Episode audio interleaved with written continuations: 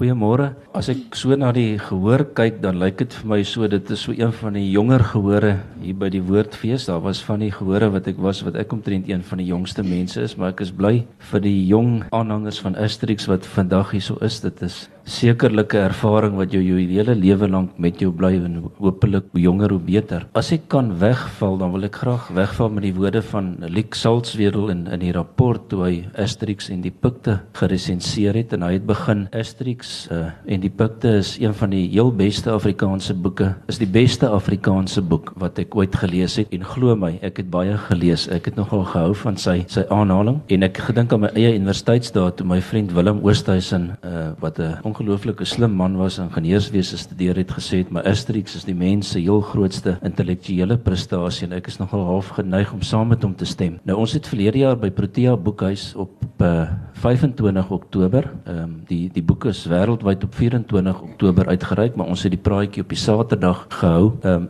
um, in Koenraad Walters en Johanna Steyn het die dag gepraat oor die vertaling van Asterix. Nou dit was vir my so ongelooflike ervaring dat ek net gedag het ek moet daai ervaring met 'n hele klomp klompie meer mense deel en dit is hoekom ek voorgestel het dat dit ook hier op die woordfees bespreek word. Ehm um, ek gaan ek gaan nie verder praat nie. Uh, ons het twee baie kundige mense, Johanna Steyn, dokter hier regs van my wat uh, destyds die in Oktober verlede jaar oor die boek gepraat het. Ehm um, sy is verbonde hier aan die universiteit, die departement moderne vreemde tale. Ons gebied is vertaling en ek dink julle sal na hierdie praatjie saamstem. Sy weet waarvan sy praat. En langs haar Dr. Sandra Besuidenhout. Sy's ehm um, die mees belese mense wat ek ken. Sy is ook die digter van Frans musiek en uh, aardling waarvan die heel eerste een met die Ingrid Jonker prys bekroon is, sekerlik een van die mees prestigieuze toekenninge in die Afrikaanse poësie en sy het haar doktorsgraad gedoen op ehm um, vir Vlaamse, Landse en Afrikaanse uh, vroue en en die resepsie daarvan. So ek gaan nou julle nie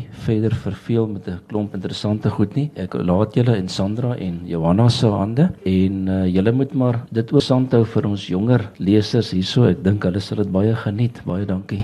Dankie. Goeiemôre almal. Ek dink Johanna gaan begin gaan vir ons 'n bietjie konteks skep. Aan waarvan praat jy nou as jy van Asterix praat? Julle weet almal, maar kom Johanna, wil jy 'n bietjie buitelyne gee? Dankie Sandra. Môre almal baie welkom. Ek gaan net probeer om baie kortliks te vertel waar Asterix vandaan kom en waar Asterix in die pikte van of Asterix by die pikte vandaan kom. Nou 1958 het daar ses Fransmanne bymekaar gekom onder meer joernaliste en mense wat gewerk het in strokiesprente en hulle wou wat hulle gesê het 'n Paris match skep vir vir tieners, vir jong mense um, weeklikse tydskrif en daar sou kortverhale en speletjies en raaisels en dan oente in wees. Ek dink dit vir die van julle wat uh, oud genoeg is, dis soos Patrys wat ons destyds gehad het. Ek weet nie of enigiemand onthou van Patrys nie. In elk geval onder hierdie 6 mans was René Goscinny en Alberto. Nou die twee het mekaar toe nou al vir 'n rukkie geken en hulle gewerk aan 'n strokiesprent reeks genaamd Oom Papa oor 'n rooi indiaan. Dit het nie so baie goed gewerk nie. Onthou oom Papa. En in 'n geval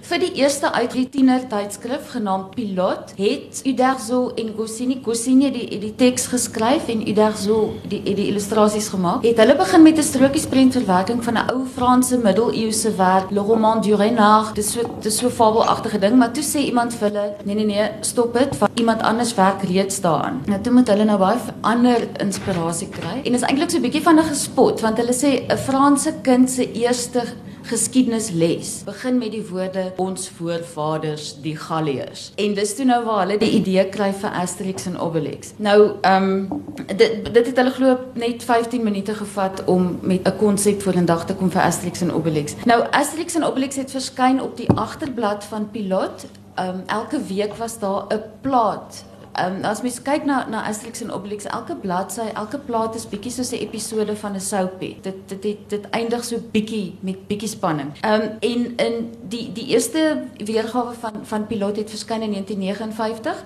In 1960 het Asterix vir die eerste keer in albumvorm verskyn. Dit was Asterix die Gallier. Ehm um, daar's 6000 gedruk. Die 'n ja, jaar later was dit Asterix en die Gekel, uh 20000 eksemplare. In 1963 Asterix en die Gote, 40000 eksemplare ensovoorts ensovoorts. So net kortliks iets oor Goscinny en Udeltois is Fransmanne. Ehm um, Goscinny is in 1926 in Parys gebore.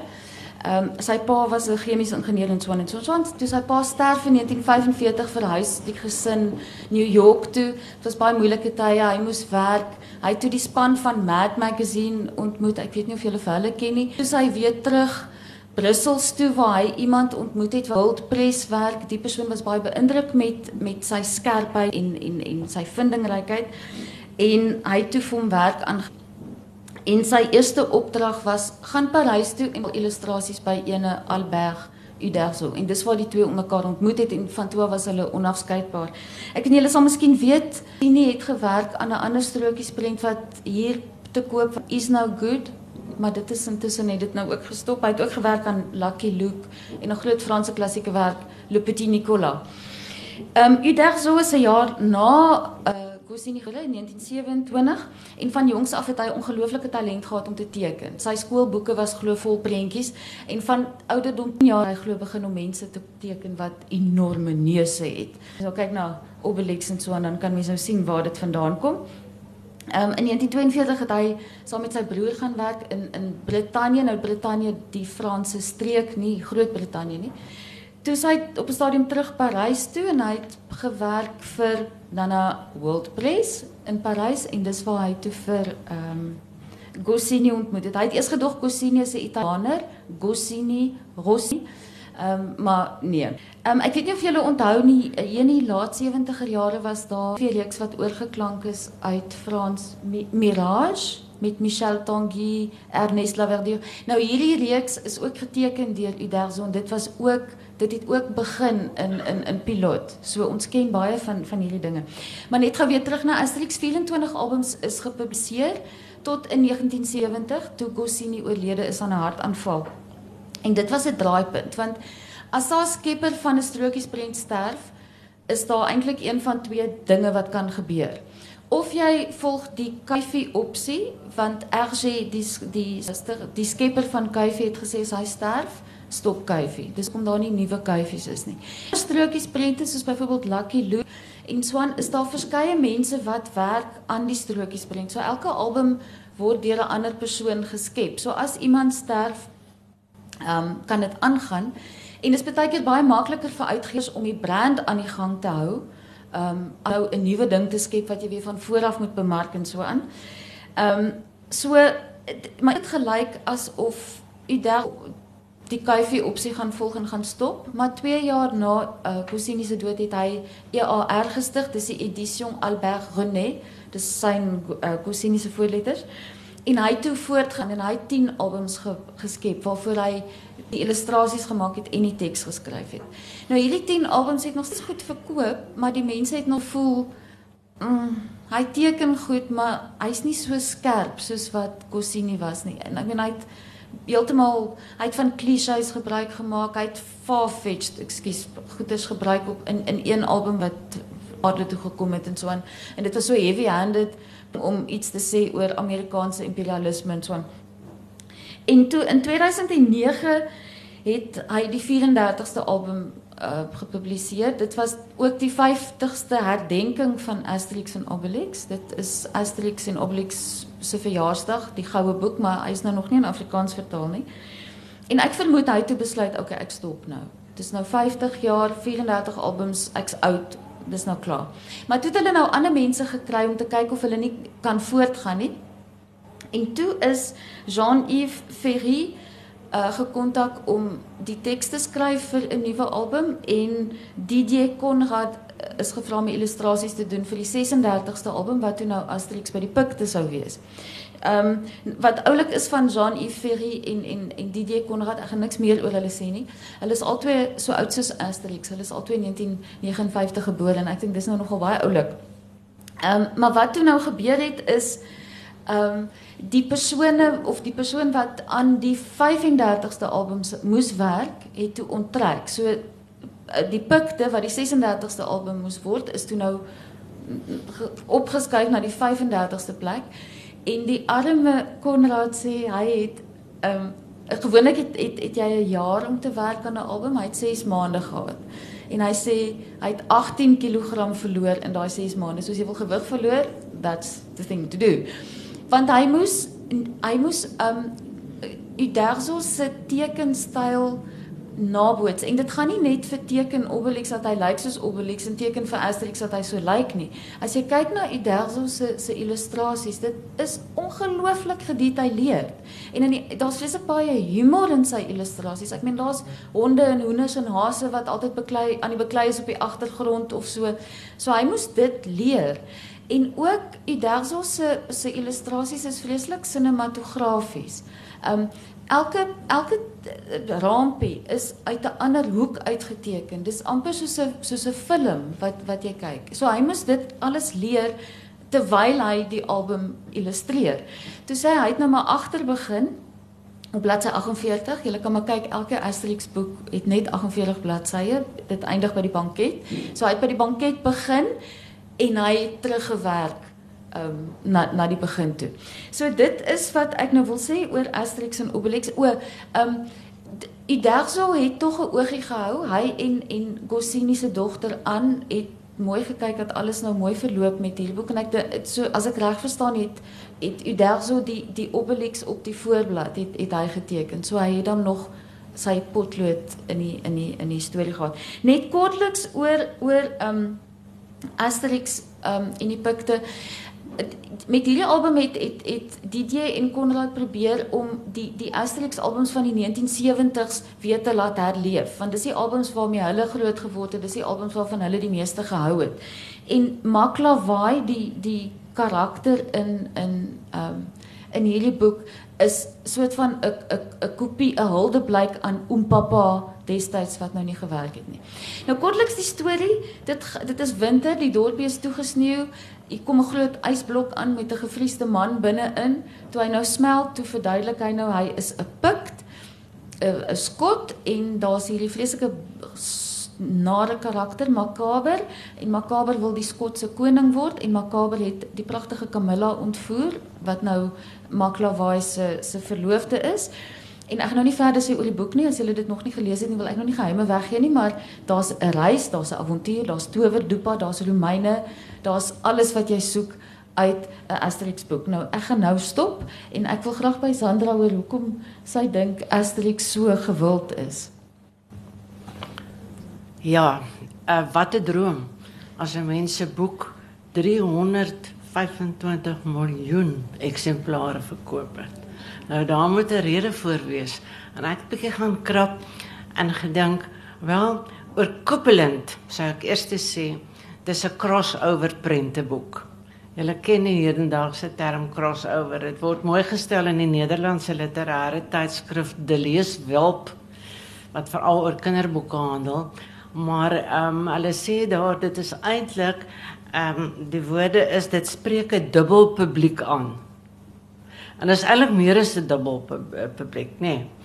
Want dit praat nie net met kinders nie. En hoekom nie? In die eerste plek as vir my vyf goed. Ek kan nou lank oor almal uitbrei maar ek dink ons gaan terugkom op elkeen. Die humor, die visuele aanbod, die avontuur en aksie, die taalspel en natuurlik die algemeen menslike situasies. Nie waar nie? Jy sou dit almal herken het. Nou uh, ek wil net sê 'n 39-jarige leser skryf in 'n rapport die volgende. Hy sê hoekom is dit so gewild? Hy sê dit gaan altyd oor skop en donder. Daar's altyd drank betrokke en 'n baie cool brakkie. En die Romeine verloor altyd. Wat meer wil 'n man nou hê? Dis my goeie manier om dit te sê. Nou wat 'n soort humor is dit nou? Wat dan nou so vir oud en jonk aanspreek. Uh, ek dink die feit dat daar soveel absurditeit ook in is, nie waar nie, Johanna. Uh, dit is uh, hilaries. Byvoorbeeld ek met 'n skot kom in 'n ysblok aangedryf en uh, hulle vra, "O, wat is dit? Is dit 'n vakansieganger uit die noorde?" Jy weet sulke onverwagse opmerkings. En die situasies is so snaaks. En die gedrag van die karakters is kostelik en die opmerkings wat hulle maak. En wat vir my ook baie snaaks was is die vroue se fascinasie met die pikt wat daar in die ysblok. Hulle is gaande en die klomp mans verstaan glad nie en dit is verskriklik ongelukkig daaroor want uh, hierdie uh, groot uh, pikt wat eintlik 'n skot is die het 'n klein kilt aan en die vrouens kan dit nie verstaan nie. En hulle sê ook vir die vrouens, julle hou julle te danig met die pikt. Kan julle weer sien nou kom die die, die woordspel alweer in. En dan wat die visuele aanbod betref, ehm um, die illustrasies, wat sou julle nou sê as jy nou vinnig moet dink? Wat is so wonderlik aan die illustrasies? Is dit oor dit so kleurvol is? Oor dit die teks verlewendig? Oor dit humoristies is? Oor dit die belangstelling prikkel? Omdat daar soveel detail en is ek dink is al daai goed want daai illustrasies ja sou jy seker saamstem is is 'n teks op sigself. Dit volg soveel toe aan die storie. Dit maak dit groter, ruimer, verbeeldingryker.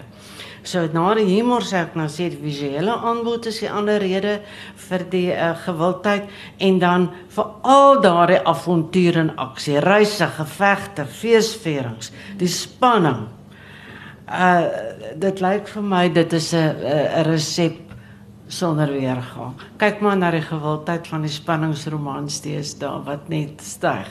Nee, ek as dan nie en as dan nie spanning is nie, is daar in elk geval nie 'n storie nie. En as hy nie botsing is nie, is daar nie 'n drama nie.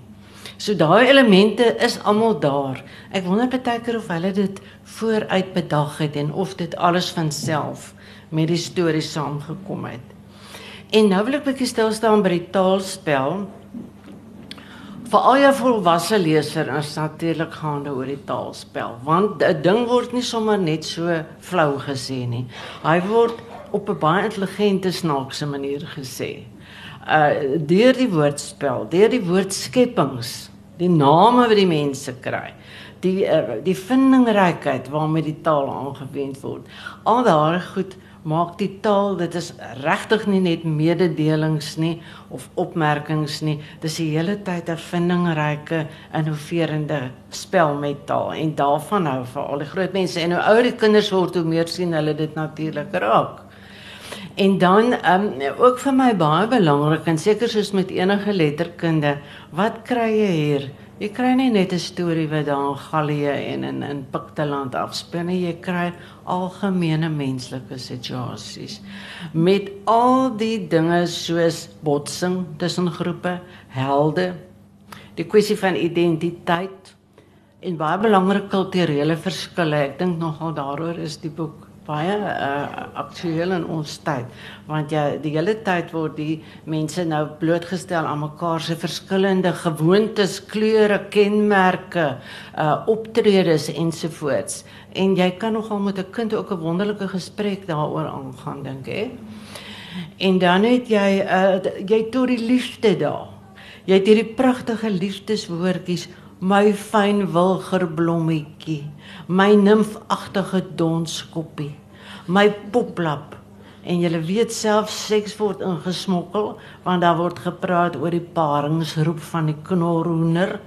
Nou ja, nou moet jy 'n bietjie verduidelik wat is die paringsroep en dan wat 'n geleentheid, nê, nee, om die uh, baie en die blommetjies onder die aandag te bring. En daar is ook uh, die normale hiërargie wat jy in alle samelewings kry jou konings, jou hoofmanne. Daar is goed soos irritasie met mekaar, spot met mekaar, 'n uh, vrees en die effek van 'n oormaat drank. Algemene menslike situasies. Nou al daai goed word natuurlik geensins op abstrakte maniere aan jou opgedis of voorgehou of leer nou hieruit nie. Dit is juist die die wonder daarvan. Dis in daai storieetjie in wat gebeur lê al daai lessies opgesluit ek het baie keer gewonder of mense dit ook aan die Bybelse gelykenisse kan verbind.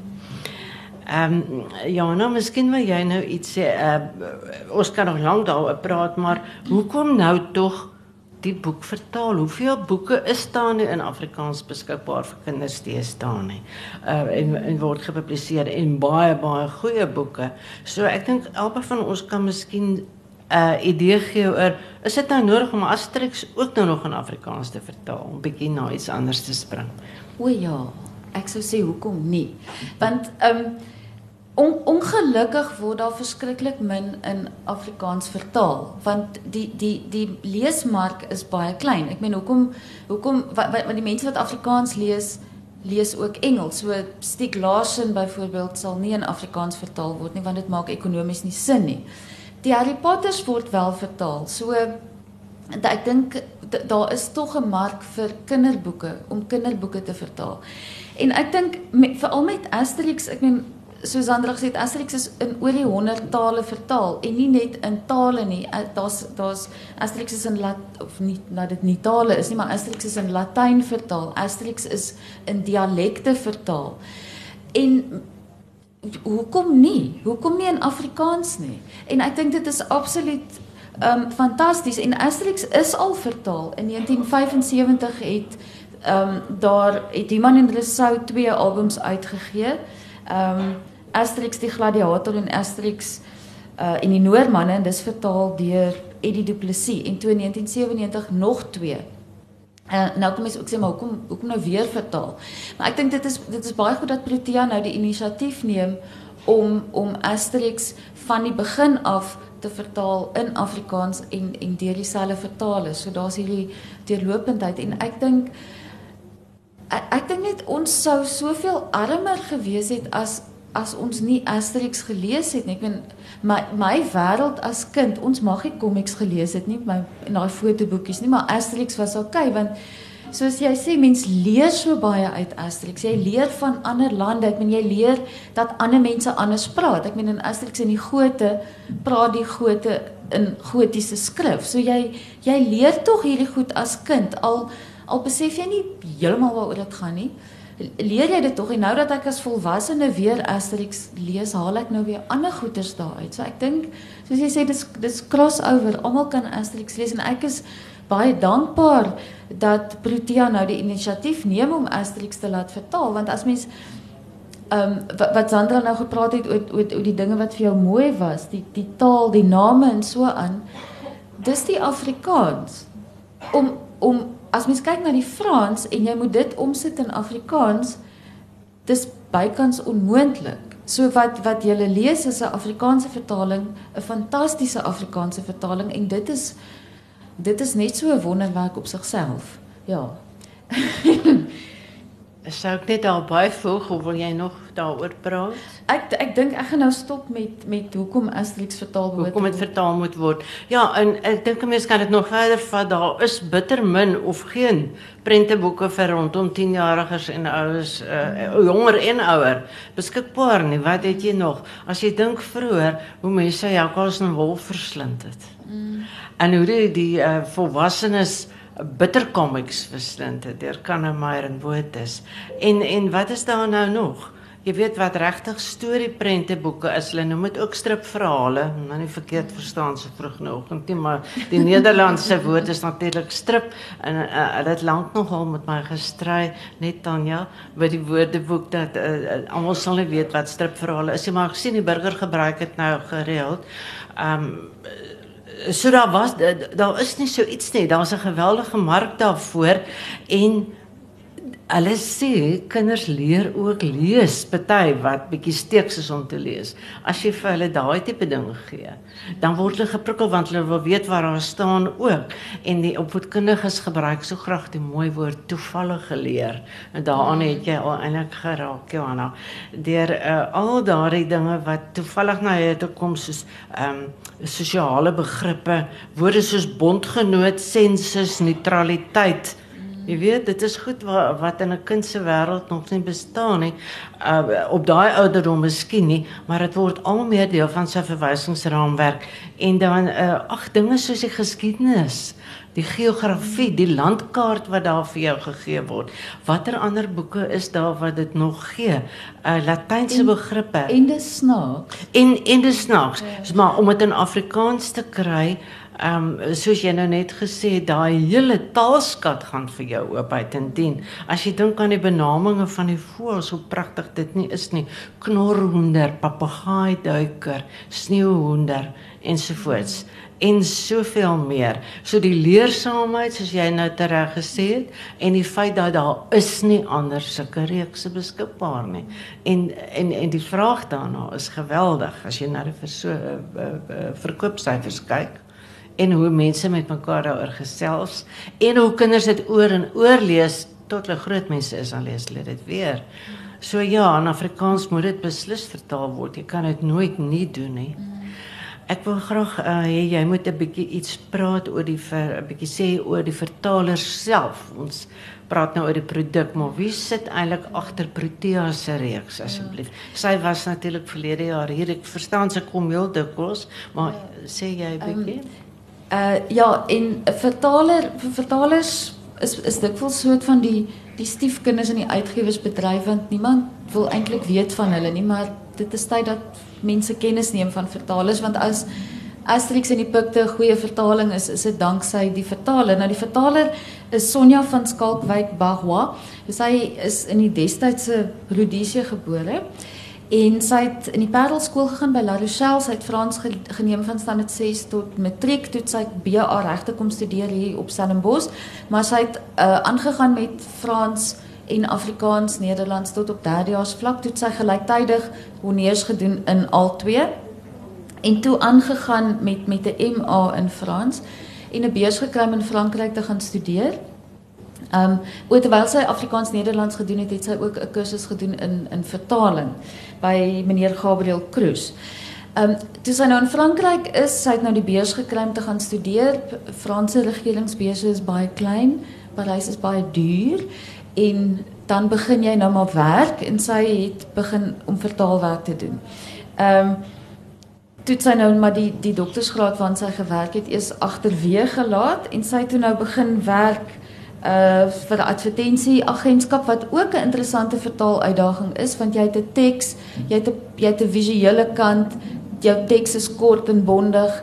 Um en toe sy nou so dit dit was vir haar baie belangrike leerskool. Toe sy nou toe sy later by UNESCO gewerk, sy het Frans en Engels vertaal. Deesdae werk sy vir wat sy noem 'n 'n corporate kommunikasieagentskap waar sy vertaal uit Engels, ag uit Frans en Nederlands in Engels of uit Nederlands en Engels in Frans. Ehm um, sy woon buite Parys en sy het twee pragtige dogtertjies. Maar sy sê ehm um, wat wat haar verskriklik baie gehelp het met met die vertaling van van Asterix is daar's 'n spraakborrel wat net so groot is en jy moet jou teks daarin pas. En sy sê wat haar baie daarmee gehelp het was sy het uh oorklankingswerk gedoen en ek weet nie of julle onthou nie destyds toe daar nog reekse oorgeklank is vir vir Afrikaanse televisie. Dit was absoluut ongelooflik. Dit het gelyk asof die mense die woorde sê wat die lippe maak.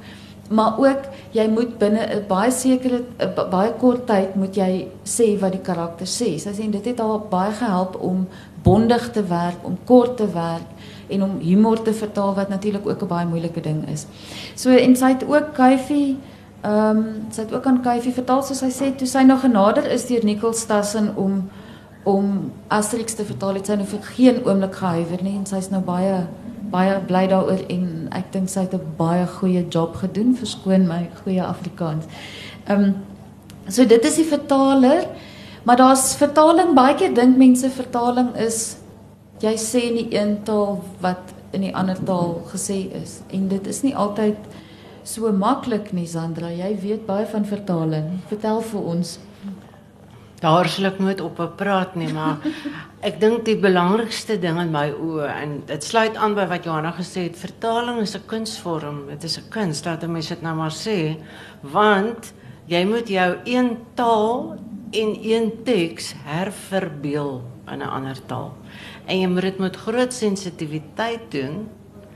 En jy moet dit so doen dat dit uh getrou bly aan die bronteks want dit is verskriklik lekker. En ek wil amper sê maklik om 'n glansende vertaling te skep wat wat baie goed klink en wat reg is in alle opsigte maar ehm um, soos nou met die Bybel nuwe Bybelvertaling ook gebeur het dan sê professor Kokke dit klink pragtig is vreeslik poëties maar is nie wat daar staan nie. Jy weet en en jy daar's so fyn lyn soos wat staan daar wat staan daar nie want soms is jy genoodsaak om te moet afwyk van daai fyn van daai uh, watter kant hoe hel dit nou oor? Moet jy nou presies letterlik daar bly want jy moet die teks eerbiedig van die outeur en hulle is ook baie streng daarop. Of moet jy nou of laat ek liewer sê nie of nie maar hoe ver kan jy gaan met herskepping want dit is 'n kreatiewe proses. En dit is my die grootste uitdaging van die vertaling en dit is vir my die opwindendste daarvan. Dis soos blokkestraat as jy sit 'n dag aan mekaar, jy kom net agter jy het nie geëet of gedrink of wat nie. Vir my is dit so want ek raak so Ah, wat is tenacious? Ek raak so um ja, as vertaler kan ek dit nou regtig. Dis net byt so in daai ding en ek wil hom nie laat los nie want ek wil hom reg kry. Ek wil hom gesê kry.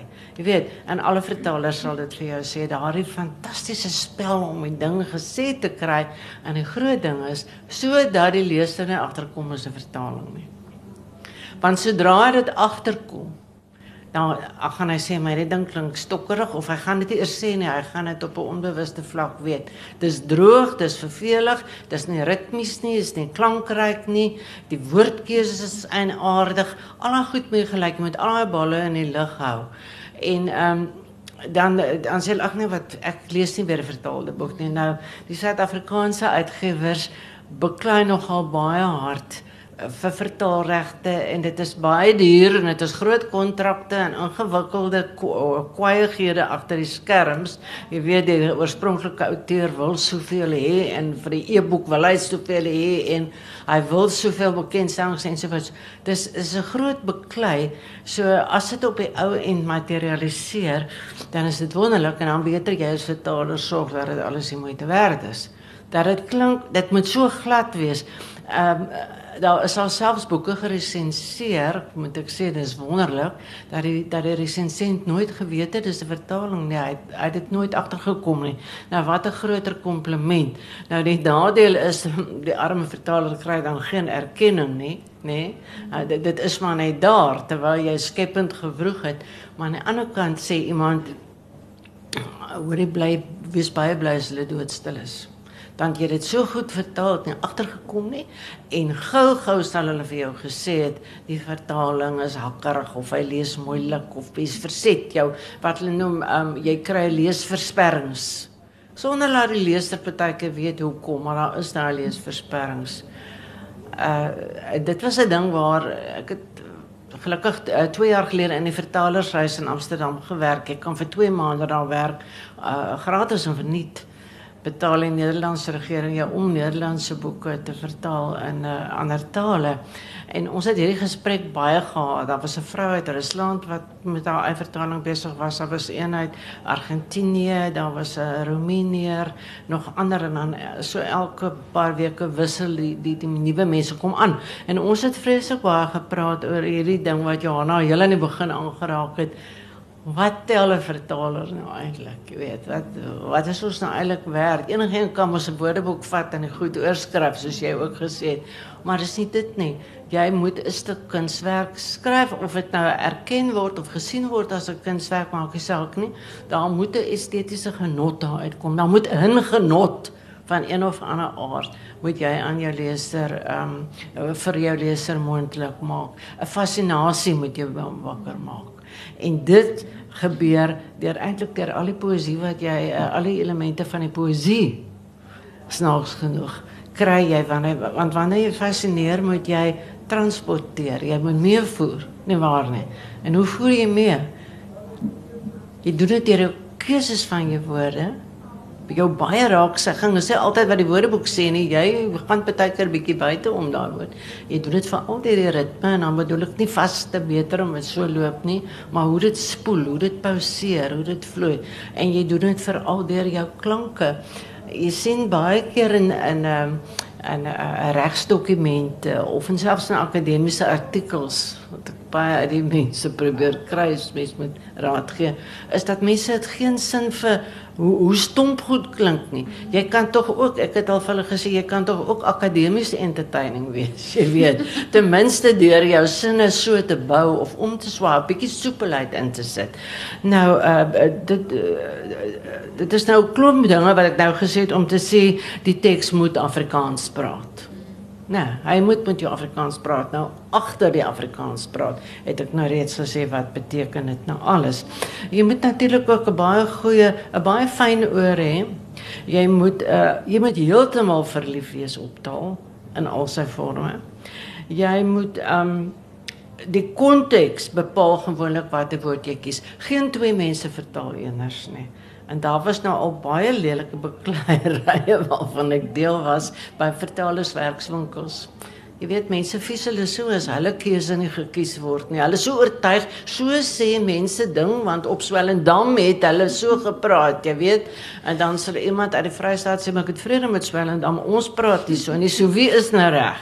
So elke mens vertaal anders. Elke mens sien die hele prentjie anders en jy moet maar jouself op die ou en vertrou. Jy sal miskien iemand bel en sê, "Oor die week sukkel met daai ding, daai sin. Wat, wat dink jy is die beter woord?" En wat sê die persoon altyd vir jou?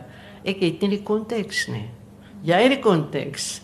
Jy weet wat in die voorafgaande paragrawe, sinne, bladsye gestaan het. Jy weet wat die breë verhaal is. Nie vir my verhaal nie. Ek staan nou heeltemal buite die verstaan. Soos my eensame werk, nie waar nie.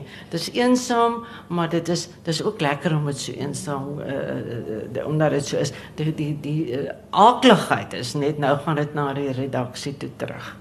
En ehm redaksionele kan nogal beter weter gewees. Sien hulle hulle is nodig. Maar uh, hulle het nie saam met jou geworstel deur daai hele boek en daai hele teks nie. Hulle weet nie hoekom het jy daai woord daar gekies? En op 'n ander plek uh, uh, uh, iets anders. As jy moet dieselfde ding jy nie sinonieme gebruik nie. Nee ek wil dit nie sinonieme hê nie.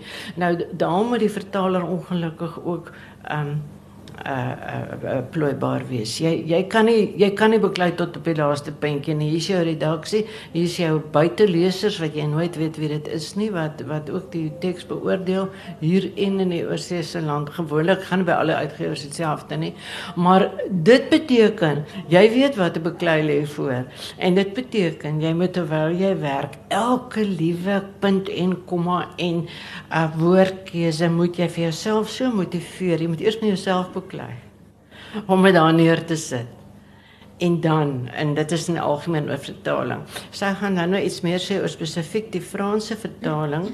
Ehm um, ek ek wil net nog een dingetjie sê, daai kwessie van jy moet getrou bly aan die teks.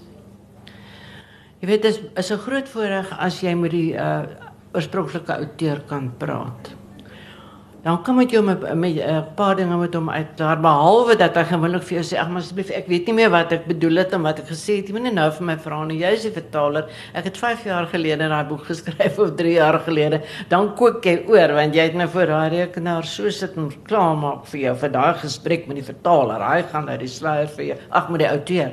Hy gaan nou die sluier vir jou lig. En tog verwag hy soos ek net nou gesê het Hoorie, dis my teks. Ek het rede gehad. Dit is my intellektuele eiendom. Moenie daarmee mors nie. Moet dit nie verkrag ter wille van jou eie glorie of wat jy ook al wil sê nie.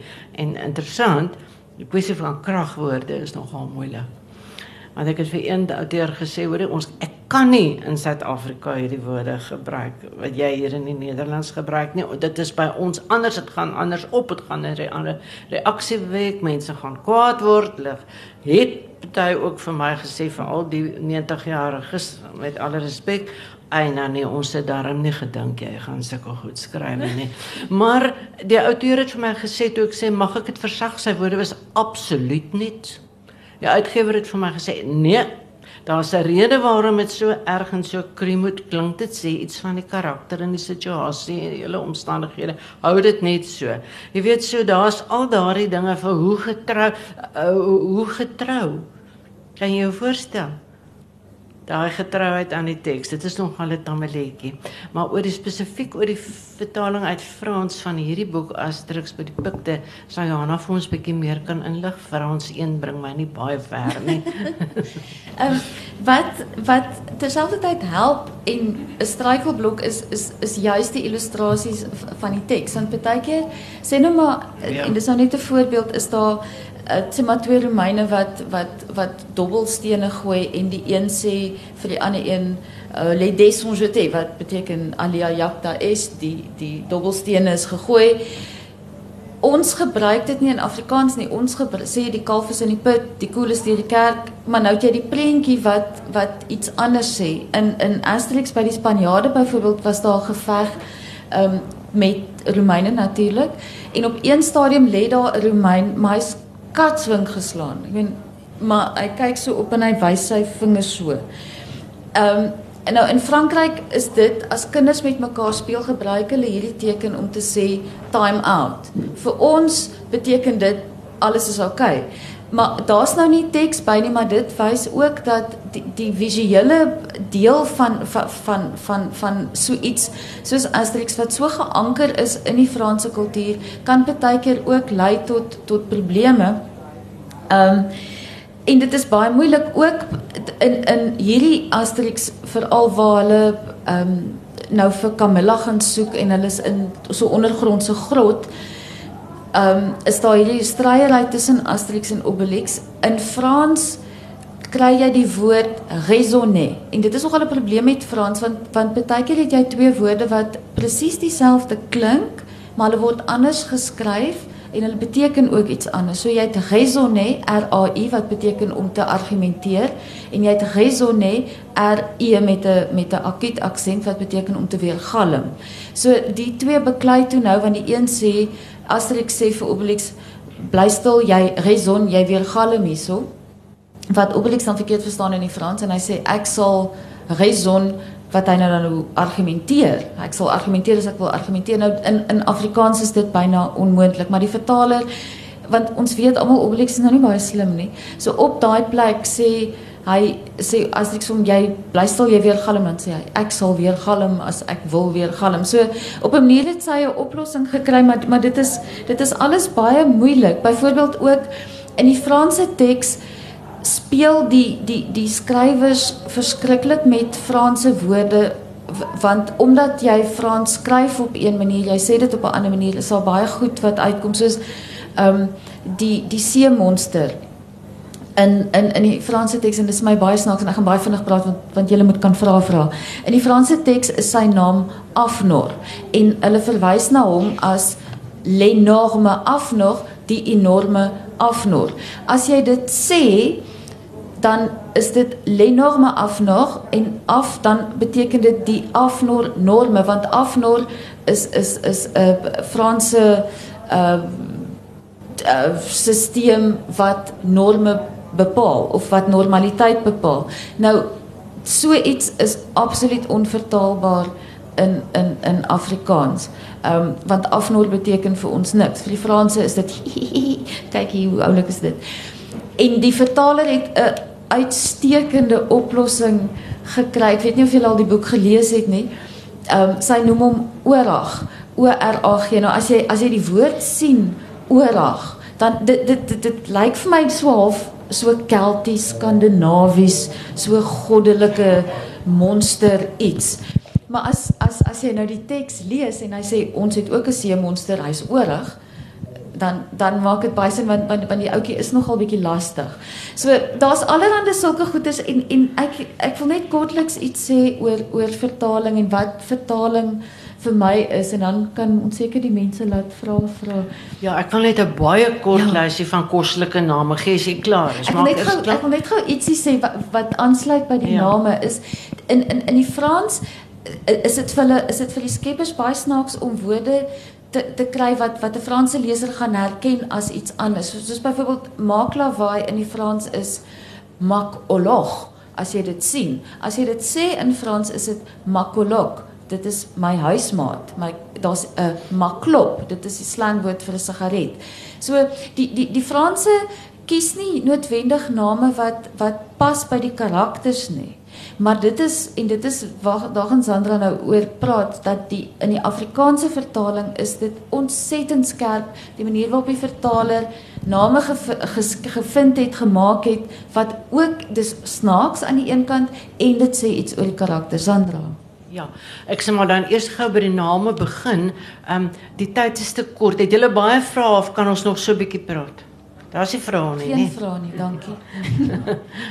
Goed, ek gaan net sê, as jy nou dink aan die woord Castrolix, is die een. Dis jy oor die dopa maak. Hy maak 'n gesondheidsdrank is wie beter. Dit staan nie so in die Frans nie, maar sy het gemaak, die vertaal het gemaak Castrolix. Nee. En dan die hoof van die stam wie 'n beter woord het, Alamapsticks, noem sy hom. Uh die vroeëre vertaling was Groot Kokkedorix en die Engels was Vital Statistics, maar alla mapsticks is daarom vir my so raakeen. Die dorpsanger wat so aaklig sing, sy naam is Liederlix. Het jy twee woordspellings, jy het op lieder en jy het op liederlik. Jy weet wat hy so aaklig sing. As ek is slim goed. Ek kan uh, die die die dorpie se Esther Smit is druk om in 'n bliks. Dit is sy naam. Die ou tante se naam is Antibiotika. En die oudste inwoner is die is, is pensionarix. En die mooiste vir my is die vishandelaar se se plek is se naam is Anshofix. En die eetplek wat dan nie net vis is, die se naam is Totatis, na aanduiding van Sosatis, maar die, maar van die gewone woorde, afgesien van die naamwoorde. Weet julle wat het hierdie uh, mevrou Barwa ingevoeg? Goed soos versterkwater, plaasjapies, towerdoepa, lawaai water, 'n woord 'n vragie soos kan 'n ou proe drink ons dit skoon oor die klippe. Jy weet, en so sê Johanna sê, dit moet nog alles by daai illustrasies inpas. Jy weet, jy kan nie te ver rond speel nie. Weereens se getrouheid hier nie net aan die aan die aan die aan die geskrewe teks nie, maar ook aan die visuele teks. En dan woorde soos uh wat is hulle wagwoord? Julle staan nie daar nie. Kapiteit. Dit is die wagwoord.